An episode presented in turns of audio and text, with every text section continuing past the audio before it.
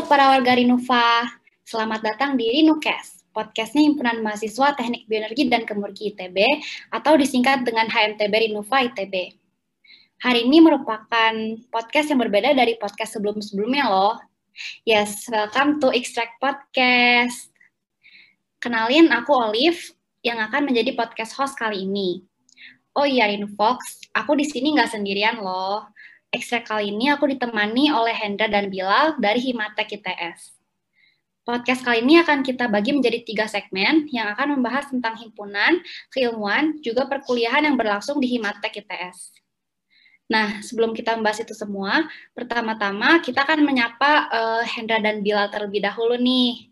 Selamat malam. Bagaimana kabarnya hari ini untuk Hendra dan Bilal? Hai, keluarga HMTB. Selamat malam juga, sangat baik tentunya. Oke, uh, sekali lagi terima kasih untuk uh, telah menyempatkan waktunya untuk hadir uh, di podcast kali ini. Uh, nah, aku mau tahu nih, Hendra sama Bilal ini sedang menjabat sebagai apa ya di Himatek ITS? Oh ya, dari aku mungkin ya, kalau aku sendiri Hendra sebagai saat ini Wakahima atau kalau di Himatek namanya Vice Head of Himatek yang Vice Head 1 gitu sebutannya. Oke, okay. untuk Bilal? Oke, okay. kalau aku sendiri saat ini sedang menjawab, menjabat sebagai kabinet di Departemen Kompetensi Development gitu. Jadi emang untuk pengembangan kompetensi dari mahasiswa teknik kimia itu sendiri. Oke, wah keren-keren nih ya. Berarti Bilal sama Hendra. Uh, nah, karena kita sekarang sudah mengenal sedikit dari Kak Hendra dan dari Hendra dan Bilal, sekarang uh, kita mau tanya tentang Himatek ITS nih. Pertama-tama, uh, apa sih Himatek ITS? Oke, makasih ya pertanyaannya Olive. Mungkin aku bisa jawab nih.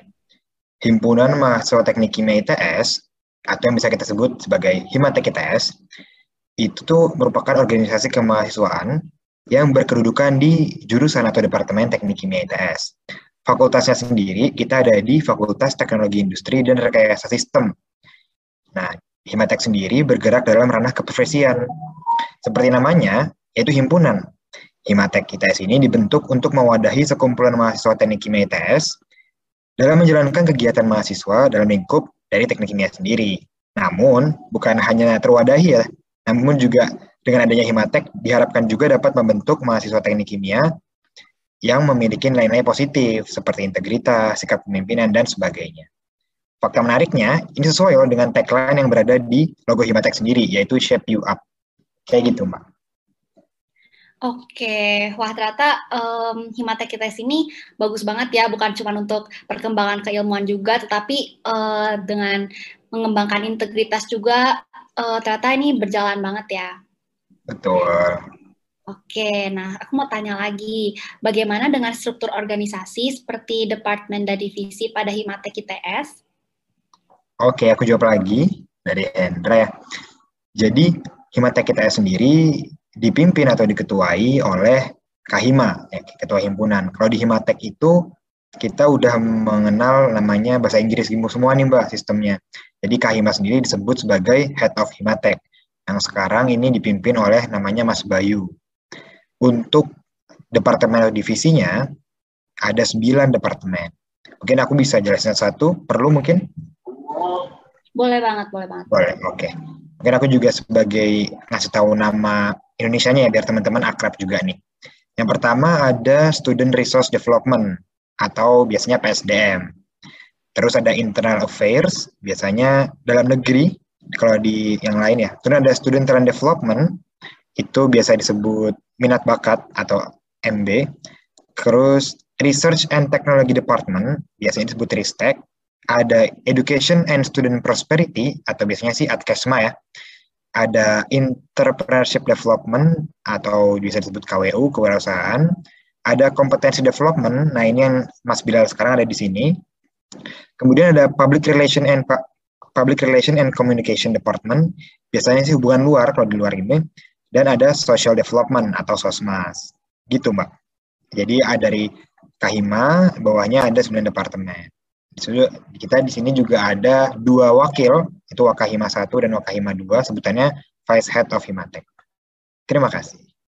Oke, terima kasih atas jawabannya. Wah, uh, terkesan kompleks tapi bisa dikompact dengan baik ya. Jadi hanya dengan sembilan aja udah mencakup uh, semuanya gitu ya. Keren banget. Insya Allah. Kalau untuk periode kepengurusan Himatek ITS itu uh, berapa lama ya? Dan kalau boleh tahu, pergantian periodenya itu dilakukan pada semester genap atau ganjil dengan pertimbangan apa juga ya?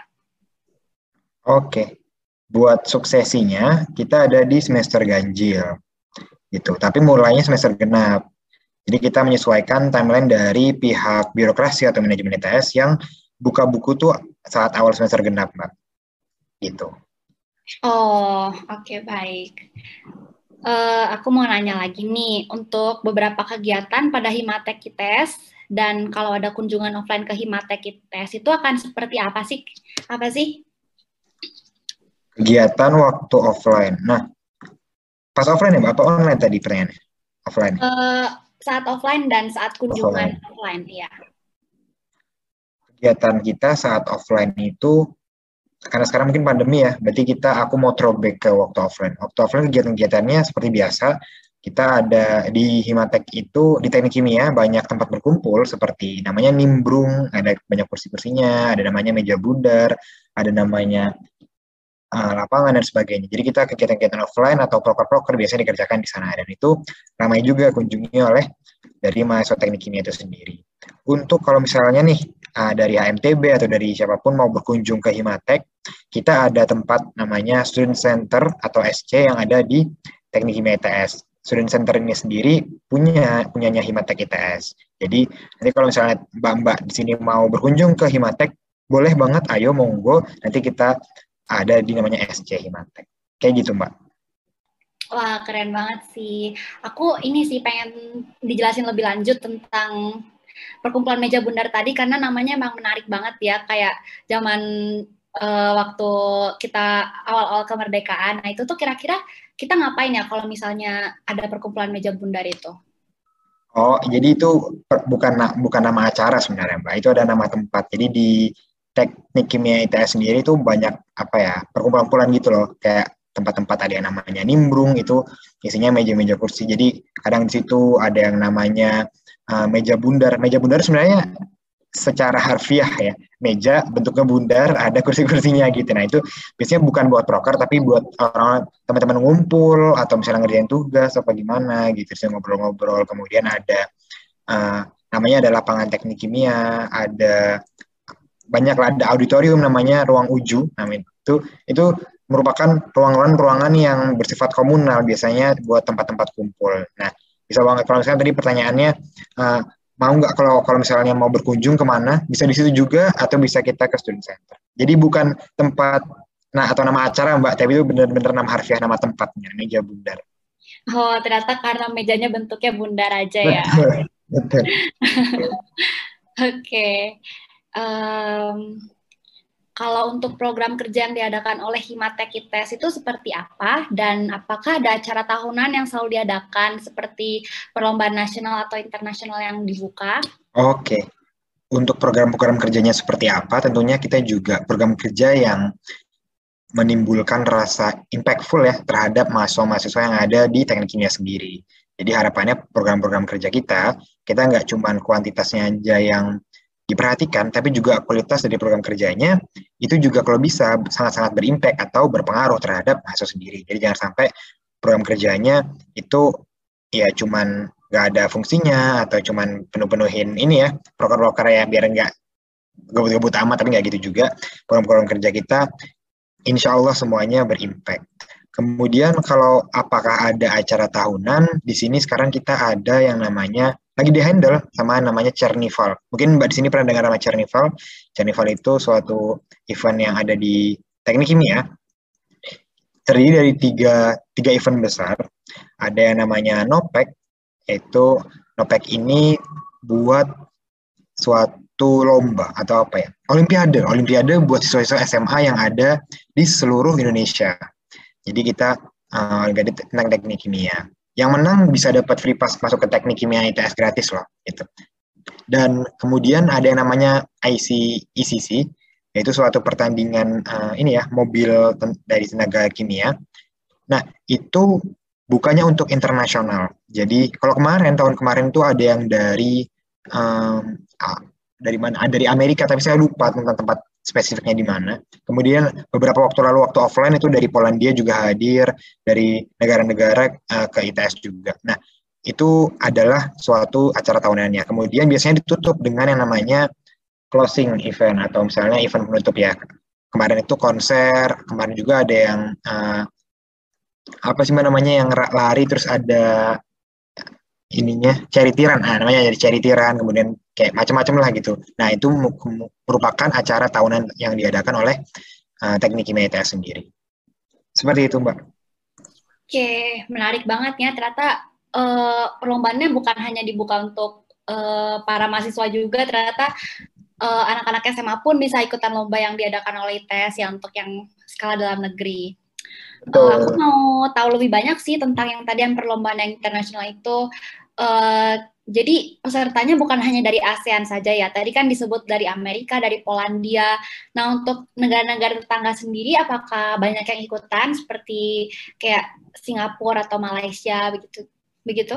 Iya, untuk lombanya ini, wah kayaknya nanti teman-teman perlu deh yang denger ini ya, sekalian promosi untuk nge-add ide kita gitu, atau kita kepo-kepoin aja gitu tentang at Chernival, C H E R N I V A L, itu adalah suatu event tahunan yang diadakan oleh Teknik. Buat yang tadi sendiri, internasional, itu kita melakukan apa ya, nyebar undangan gitu loh Mbak, ke semua yang uh, perguruan bulan tinggi yang ada di di dunia gitu. Tapi ya iya itulah dunia. Nah kemudian biasanya uh, yang mengakses atau misalnya mengizinkan kita buat promosi atau gimana gitu kan kemudian kurang beberapa. Nah tapi juga mereka antusias sekali dengan acara-acara yang kita buat untuk Singapura dan Malaysia sendiri sayang sekali buat tahun lalu itu uh, belum hadir atau belum datang gitu, belum bisa menghadiri acara lomba kita, termasuk termasuk juga negara-negara ASEAN yang lainnya. Kayak gitu, Mbak. Wah, oke. Okay. Terima kasih untuk penjelasan yang lebih lanjutnya. Dan ini emang menarik banget sih. Uh, mungkin di kesempatan selanjutnya kita bisa uh, membahas lebih banyak lagi tentang uh, Chernival ini sendiri. Boleh. Oke. Okay. Hmm, sekarang kita mau bertanya uh, tentang keilmuan yang ada di Himatek ITS ini. Uh, aku mau nanya nih, apakah isu-isu seputar teknik kimia yang saat ini sedang panas atau hot dibicarakan di Himatek ITS sendiri? Oke, jadi aku mau jawab ya, karena tadi Mas Hendra udah overview himpunan secara luasnya. Untuk keilmuan sendiri, isu seputar teknik kimia yang sedang panas. Jadi untuk di teknik kimia sendiri, di Himatek ITS itu menyediakan yang namanya wadah diskusi keilmuan di untuk mahasiswa teknik kimia atau yang biasa disebut Orange Issue Discussion. Nah, Orange Issue Discussion ini diselenggarakan di tiap tahunnya dan untuk isu yang dipilih itu juga dipilih oleh mahasiswa teknik kimia itu sendiri. Nah, untuk yang terpilih tahun lalu yang paling baru ini itu terkait renewable energy yang emang sekarang ini lagi digalak-galakannya yang lagi panas-panasnya terkait renewable energy dengan berbagai policy dan renewable energy apa yang terpilih itu yang kemarin diisukan adalah terkait panas bumi. Nah, kenapa sih kok bisa panas bumi yang kepilih? Jadi mungkin ini agak teknis dikit ya bahasanya. Jadi karena Indonesia sendiri punya potensi yang sangat besar terkait geothermal karena berlokasi yang di di kawasan yang strategis atau ring of fire. Jadi di Indonesia sendiri punya banyak gunung api yang artinya geotermalnya itu juga berpotensi. Nah, tapi kenyataannya saat ini pemanfaatan dari geothermal di Indonesia itu masih kurang. Nah, dari situ kami mahasiswa teknik kimia mencoba untuk berdiskusi kenapa sih kok bisa kurang dan dari situ juga didapat diambil kesimpulan bahwa kalau misalnya emang di Indonesia sendiri dari segi teknologi pun juga masih loh masih bisa loh untuk dikembangkan lebih lanjut dan juga diskusi terkait feasibility karena berdasarkan data sendiri emang mayoritas lokasi geothermal sendiri itu terletak di kawasan-kawasan konservatif yang emang perlu dilindungi dan perlu berbagai macam sudut pandang untuk dapat memanfaatkan potensinya. Jadi untuk isu yang sedang panas dibahas yang barusan kemarin telah dibahas itu terkait geothermal energy. Gitu. Oke, wah aku juga setuju banget sih tentang harus menggalakkannya renewable energy uh, di Indonesia ini karena betul banget kita berada di daerah Ring of Fire ya. Dan benar, benar banget. Iya, ini cocok banget nih sama HMTB juga yang uh, memang belajar tentang bioenergi ya. Kayaknya kalau kita ikutan diskusi tentang isu ini juga sepertinya akan menarik. Oh iya, ini bakal menarik gitu ya Pak, uh, mengajak berbagai sudut pandang dari keilmuan, nggak cuma teknik kimia aja gitu. Pasti lebih iya, seru sih. Iya. Iya. Nah, nah kita mau lanjut nih uh, berdasarkan fakta lulusan teknik kimia dari ITS itu biasanya akan bekerja di bidang dan perusahaan apa ya kebanyakan? Oke, untuk lulusan teknik kimia sendiri secara umum di, itu di bagian yang berkaitan dengan proses atau produksi. Uh, sebut saja kayak proses engineer, project manager, production manager, dan lain-lain. Tapi balik lagi karena pekerjaan adalah sesuatu yang personal ya, jadi tiap orang pasti punya kemungkinan dan kesempatannya untuk berkembang di berbagai tempat dan di berbagai pihak. Jadi nggak menutup kemungkinan, ya nggak menutup kemungkinan buat selain dari proses atau production. Untuk perusahaannya sendiri juga bervariasi, nggak cuma satu aja, tapi yang sering dan umumnya mahasiswa teknik kimia inginkan itu di lingkup industri kayak oil and gas, terus FMCG sama petrokimia. Oke, berarti itu tadi overview tentang um, apa namanya lulusan-lulusan dari teknik kimia ITS ini ya. Emang beragam banget. Siap lagi kalau mahasiswa teknik ini dikenal bisa uh, masuk perusahaan dan lebih terbuka untuk menjadi apa aja saat bekerja. Benar banget. Iya. Sekarang kita akan masuk ke segmen perkuliahan di Himatek ITS. Aku mau nanya nih untuk perbedaan kuliah online dan kuliah offline pada Himatek ITS sendiri itu bagaimana? Oke, mungkin aku coba jawab lagi. Jadi perbedaan kuliah online dan kuliah offline mungkin aku coba jawab dari sisi online dulu. Yang paling ngena banget itu efisiensi waktu. Kerasa banget. Kenapa? Karena kalau misalnya kita ke kampus secara offline itu kan ada lokasi waktu tuh. Dari berangkat ke kos ke kampus terus juga dari parkiran ke kelas. Jadi benar-benar kalau online itu bisa sesingkat itu buat persiapannya jadi nggak perlu alokasi-alokasi waktu yang dibutuhkan untuk offline tadi itu benar-benar bisa disingkat kalau online Nah, terus dari pembelajarannya sendiri, kalau kuliah itu pastinya bisa dikatakan untung dan rugi, jadi ada plus minusnya. Karena e, kalau online kita bisa tuh lihat whiteboard lebih jelas kalau dosennya emang ngajarnya pakai itu. Soalnya kalau offline kan kadang bisa ketutupan gitu. Nah, terus juga kalau online itu ada plusnya di bagian audio. Jadi mungkin kalau offline itu ada beberapa dosen yang mungkin suaranya untuk mengajar itu kecil, jadi untuk bagian mahasiswa yang belakang nggak terlalu kedengeran. Itu kalau online kan semuanya rata, jadi ada keuntungan juga di situ. Tapi ruginya untuk online itu di praktikum yang mana pasti lebih optimal dan maksimal pembelajarannya secara offline. Kan namanya juga praktikum, jadi uh, praktik gitu. Jadi pasti lebih enak kalau observasinya secara langsung. Nah, kalau di Tekim sendiri uh, untuk praktikumnya itu kebanyakan kalau online kemarin itu disimulasikan. Jadi disimulasikan ya walaupun disimulasi tapi untuk praktikumnya sendiri cukup sulit untuk dibayangkan karena simulasinya juga tidak sepersis dengan yang dilakukan saat offline. Nah, terus kalau offline sendiri yang paling berasa itu sosialisasinya sih. Jadi ya kita sebagai manusia yang sosial yang yang butuh social interaction beda banget kalau online kan uh, sulit kemungkinannya untuk interaksi sama teman sedangkan kalau offline kan bisa aja waktu sambil nunggu kelas selesai atau waktu nunggu dosen atau selesai kelas itu kan bisa kita interaksi buat teman-teman. Nah, sedangkan untuk online sendiri benar-benar terbatas kesempatan buat interaksi ke teman-teman lainnya. Itu sih yang paling kena buat perkuliahan online sama offline ya. Betul banget. Kita di HMTB juga merasa hal yang sama dengan apa yang dirasakan dengan uh, apa teman-teman di Himatek kita sendiri um, tadi kan sempat disinggung untuk uh, laboratorium ya untuk praktikum.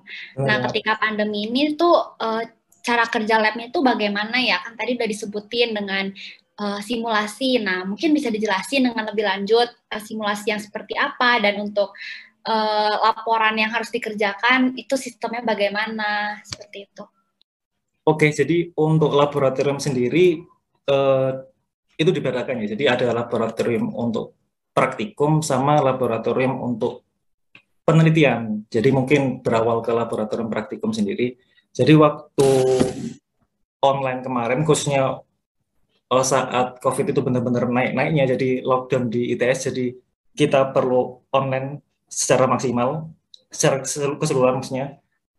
Jadi itu eh, pengganti dari praktikum offline itu kita ngelakuin simulasi. Dan simulasinya pun juga yang mendekati dengan kurikulum yang diadakan kalau offline. Jadi ada beberapa praktikum yang nggak bisa kita lakukan secara yang nggak bisa disamakan secara offline, tapi lebih ke nilai-nilai ilmu-ilmu apa sih yang ada di offline ini itu disimulasikan di online. Dan itu eh, cukup sulit sih kalau dari aku sendiri pribadi untuk memahaminya karena emang sebenarnya pastinya lebih bakal lebih efektif untuk pembelajaran secara offline kalau terkait praktikum dan untuk laporannya sendiri itu kemarin uh, murni online jadi ngetik gitu untuk laporan praktikumnya sendiri dan dikumpulkan ke asisten labnya. Terus kemudian untuk yang uh, laboratorium untuk penelitian itu memang dikhususkan untuk penelitian aja. Jadinya walaupun kemarin kecuali untuk benar-benar lockdown, tapi kalau misalnya tetap uh, pandemi itu masih ada dan tidak di lockdown dari kebijakan ini ITS sendiri itu masih diperbolehkan untuk melakukan penelitian secara offline karena emang mau nggak mau harus dilakukan secara offline. Jadinya untuk penelitian uh, laboratorium penelitian itu masih tetap dilakukan secara offline, tapi masih ada pembatasan-pembatasan yang ada. Kayak misalnya uh, ada pemberlakuan jam malam jadi yang sebelumnya itu bisa lebih malam tapi kalau sejak uh, sejak pandemi kemarin itu dipersingkat lagi waktunya. Terus juga uh, akses untuk masuk ke lab penelitian itu benar-benar yang harus punya ada kepentingan di sana. Jadi nggak boleh sembarangan orang orang bisa masuk jadi uh, untuk kebijakannya sendiri benar-benar diperketat terkait laboratorium penelitian itu sendiri. Oke, terima kasih atas jawabannya. Lengkap banget ya tadi udah kita udah bisa tahu sistem benar-benarnya yang terjadi di Matek ITS selama pandemi untuk laboratoriumnya. Memang sih untuk uh, perkuliahan online maupun offline itu punya plus minus masing-masing. Nah, aku mau nanya nih, um, bagaimana cara teman-teman di Himatek ITS untuk bisa stay motivated during apa pembelajaran online yang kemarin itu kayak mungkin ada ada study group atau bagaimana ya? Oke, untuk gimana cara kita bisa tetap termotivasi, ini mungkin agak tricky ya karena uh, beberapa orang emang sebenarnya nyaman, ada orang yang benar-benar nyaman secara mungkin bisa kita kan bisa bila dibilang introvert itu emang dia zonanya di situ. Tapi kalau anak-anak yang uh, bertipe ekstrovert ini biasanya emang bikin uh, study group gitu dengan uh, beberapa mahasiswa yang lain. Jadi kita bisa ngerjain bareng tuh praktikum. Dan juga praktikumnya sendiri itu uh, mayoritas itu kan pasti di bentuk secara grup gitu. Jadi dengan grup itu pasti ada kerja ada kerjasama terkait pengerjaannya. Jadi bisa ngerjain bareng-bareng. Jadi mungkin gitu sih. Oke, jadi uh, gak ada sistem yang official bener-benernya ya. Emang balik lagi ke pribadi masing-masing untuk caranya bisa stay motivated gitu ya. Iya, benar banget. Oke, nah nggak kerasa nih kita udah ada di pertanyaan terakhir. Aku mau nanya tentang kalau kerja praktek itu biasanya uh, di mana dan jika masih pandemi seperti ini, apakah sistemnya offline atau online juga berlaku ya untuk di Himatek UTS? Oke, ini mungkin aku yang jawab ya buat kerja praktek. Oke, buat... Eh Hendra ya sekarang. Hendra, iya. Iya. apa-apa untuk kerja prakteknya di mana itu seperti yang dikatakan Mas Bilal tadi ya tentang bagaimana sih uh, akan tek lulusan teknik kimia itu bakal kerja di mana. Nah, kerja prakteknya juga nggak jauh-jauh beda. Di oil and gas, di FMCG, food and beverages, buat yang uh, kadang ada di pabrik-pabrik uh, kimia, pabrik gula, dan sebagainya. Jadi, di mana kita nantinya akan bekerja, di situ juga harapannya kerja praktek juga di sana dong. Namanya kan kerja praktek. Nah, untuk sistemnya bagaimana, di sini kita mengikuti sistem dari target kerja prakteknya sendiri gitu. Jadi kita mengikuti mereka. Kalau yang kemarin kan untuk yang sekarang ini kan kerja praktiknya belum ya di semester depan. Untuk yang terakhir kali itu bener banget masih di dalam pandemi. Beberapa ada yang dari rumah mbak, jadi ngerjainnya tuh dari rumah dikasih tugas, ada meeting dan sebagainya gitu. Tapi ada juga yang kerja praktiknya itu disuruh langsung ke lokasi gitu. Dan lokasinya pun nggak hanya di Jawa, ada yang luar Jawa, ada yang jauh-jauh lah gitu. Dan mereka juga pastinya tentunya disuruh menerapkan protokol kesehatan. Jadi untuk kerja prakteknya sendiri di masa pandemi, memang sebagian besar uh, dikerjakan secara online di rumah masing-masing, tapi juga sebagian tidak menutup kemungkinan memerlukan untuk hadir di tempat kerja masing-masing juga gitu. Jadi mereka pergi ke sana gitu walaupun dari, pandemi tapi mereka juga harus tetap mengikuti protokol kesehatan yang berlaku seperti itu Mbak Olive.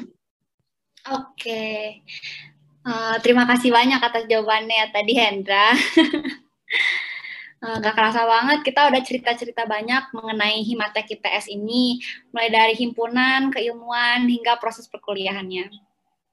Sepertinya menyenangkan sekali ya bisa menjadi bagian dari Himatek ITS ini, apalagi dengan lomba internasional yang sangat besar yang tadi telah dijelaskan.